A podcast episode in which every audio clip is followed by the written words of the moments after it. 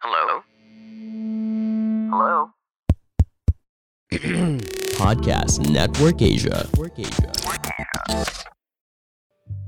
Menurut gue kejadian yang paling nyebelin dari yang paling nyebelin itu adalah ketika mantan muncul lagi. Bukan soal belum move on, tapi rasanya itu males aja gitu balik ke momen yang udah lalu. Kalau cuma sekedar say hi ketemu oke lah, tapi ini mantan balik lagi, nyapa lagi, mereka tuh pengen balik lagi ke hubungan yang dulu. Mending sih kalau nggak banyak tingkah, halus gitu mainnya. Tapi kalau udah pakai maksa, apalagi manipulatif, wah nyebelin banget. Gimana cara ngadepinnya? Yuk dengerin.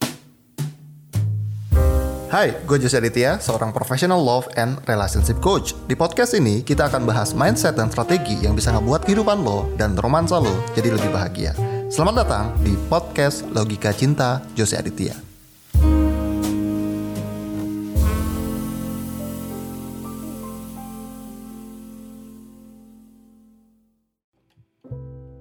Mantan, apa pun alasannya tidak tiba-tiba lagi dia menjadi mantan. Pasti ada hal yang menyebabkan dia jadi mantan dong. Make sense dong, logic. Entah diputusin secara baik-baik atau enggak, yang jelas ketika status udah berubah jadi mantan, biasanya ada sesuatu yang nggak bisa kita toleransi dari dia, entah itu sikapnya, pemikirannya, atau prinsipnya. Dan menjadi mantan itu sah-sah aja, boleh kok. Karena itu adalah tanda bahwa kita berdua itu sudah cukup waras untuk menentukan mana yang lebih baik atau enggak untuk kehidupan kita masing-masing. Nah, yang paling nyebelin adalah ketika kehidupan lu sudah mulai stabil, lu udah move on, langit sudah mulai cerah, kicauan burung sudah terdengar merdu. Eh, tiba-tiba dia datang lagi dan dia ngeklaim pengen balikan sama lu. Dia bilang dia udah berubah. Dia bilang dia nggak akan ngulangin kesalahan yang sama. Katanya sih dia nyesel karena udah nyakitin lu di masa lalu. Terus dia berusaha mengingatkan betapa cocoknya lu sama dia, betapa bahagianya lu sama dia. Kenapa sih kita nggak coba perbaikin lagi hubungan ini? Dia ngomongnya begitu. Nah di titik ini lu akan ada di dua kemungkinan. Yang pertama bisa jadi lu galau dan lu tergoda lagi untuk mulai. Atau yang kedua, lu udah apatis dan gak mau hubungan lagi sama dia sama sekali. Nah, Gimana cara ngadepinnya? Kita bahas dulu dari yang apatis. Kalau lu udah apatis dan gak mau hubungan lagi sama dia dan dia maksa-maksa lu dan bahkan ngerengek-ngerengek, yang lu perlu lakukan sebenarnya cukup mudah. Karena apalagi kalau lu orangnya cuek dan gak pedulian, ya cukup tutup akses, gak ngebuka lagi kesempatan sama sekali. Udah selesai. Cuman gini, lu kan gak bisa ngeberhentiin usaha dia untuk mau balikin sama lu. Itu kan hak dia sepenuhnya dan sepenuhnya ada di kendali dia.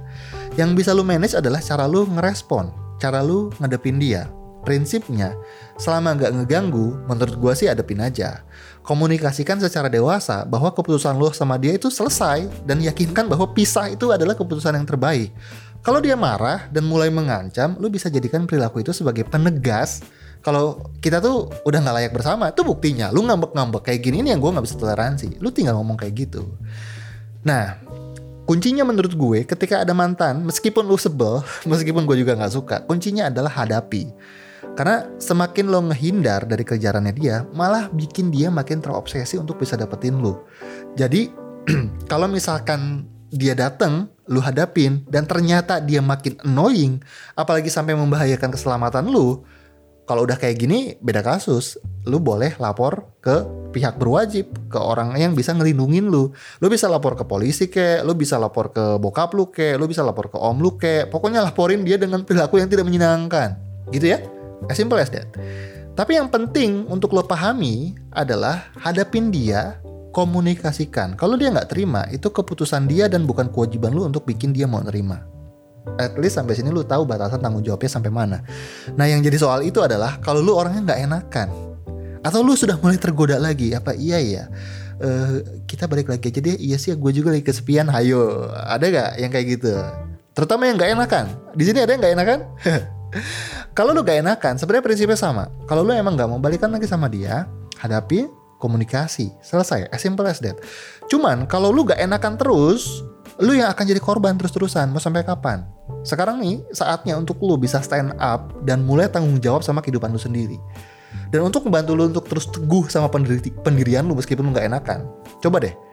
Yang pertama, ingat-ingat lagi alasan kenapa kalian putus. Karena kan gini, sepertinya yang tadi yang kita sudah bahas di awal, dia kan gak tiba-tiba jadi mantan kan.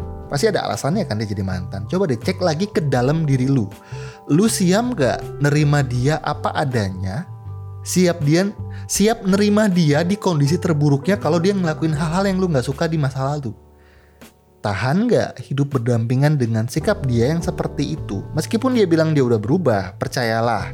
Resiko untuk dia balik lagi ke kondisi awal itu akan selalu ada. Dan kalau lu nggak siap mendingan jangan. Kalau lu siap ya silahkan. Tapi jangan protes jangan nangis kalau nanti sikap dia balik lagi kayak dulu oke? Okay? itu yang pertama. Yang kedua kalau lu nggak enakan coba deh gambarin batasan tanggung jawab yang jelas. Karena banyak tuh wanita yang nggak enakan akhirnya ya kali ya kalau sama gue nanti gue bisa bantu dia jadi lebih baik men nggak gitu cara kerjanya hidup lu hidup lu perasaan lu perasaan lu, kebahagiaan lu kebahagiaan lu. Semuanya tanggung jawab lu sendiri. Begitu juga dengan hidup dia. Hidup dia hidup dia, perasaan dia perasaan dia, kebahagiaan dia kebahagiaan dia dan itu semua tanggung jawab dia sendiri. Nah dengan batasan tanggung jawab yang jelas, lo akan sadar bahwa kebahagiaan lu tuh nggak ada di tangan dia. Karena satu-satunya yang bisa bahagian diri lu ya cuma lu sendiri. Bohong kalau dia tuh bisa bahagian lu bohong. Karena nggak ada orang yang bisa bahagiain lu kecuali diri lu sendiri. Nggak ada, nggak ada yang bisa. Karena memang kendali kebahagiaan lu tuh ada di diri lu sendiri, bukan di tangan dia, bukan di tangan orang lain. Begitu juga sebaliknya, kebahagiaan dia ya cuma dia sendiri. Bohong kalau dia bilang, gue gak bisa hidup tanpa lu. Nggak ada. Buktinya sebelum lu kenalan sama dia, dia bisa hidup. Senyebelin apa pun dia ngedeketin lo, gue selalu percaya sama kekuatan komunikasi.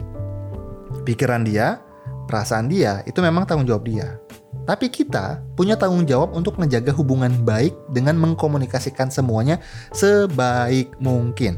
Nah, tapi setelah kita beres komunikasi, soal dia terima atau enggak, soal soal dia marah atau enggak itu udah bukan tanggung jawab kita lagi.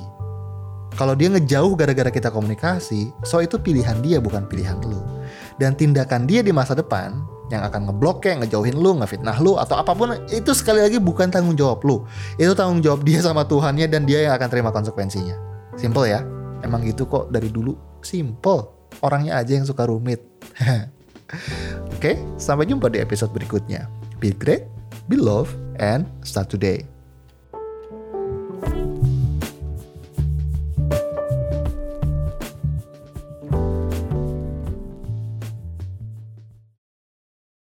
Pandangan dan opini yang disampaikan oleh kreator podcast, host, dan tamu tidak mencerminkan kebijakan resmi dan bagian dari podcast Network Asia. Setiap konten yang disampaikan mereka di dalam podcast adalah opini mereka sendiri dan tidak bermaksud untuk merugikan agama, grup etnik, perkumpulan, organisasi, perusahaan, perorangan, atau siapa pun dan apa pun.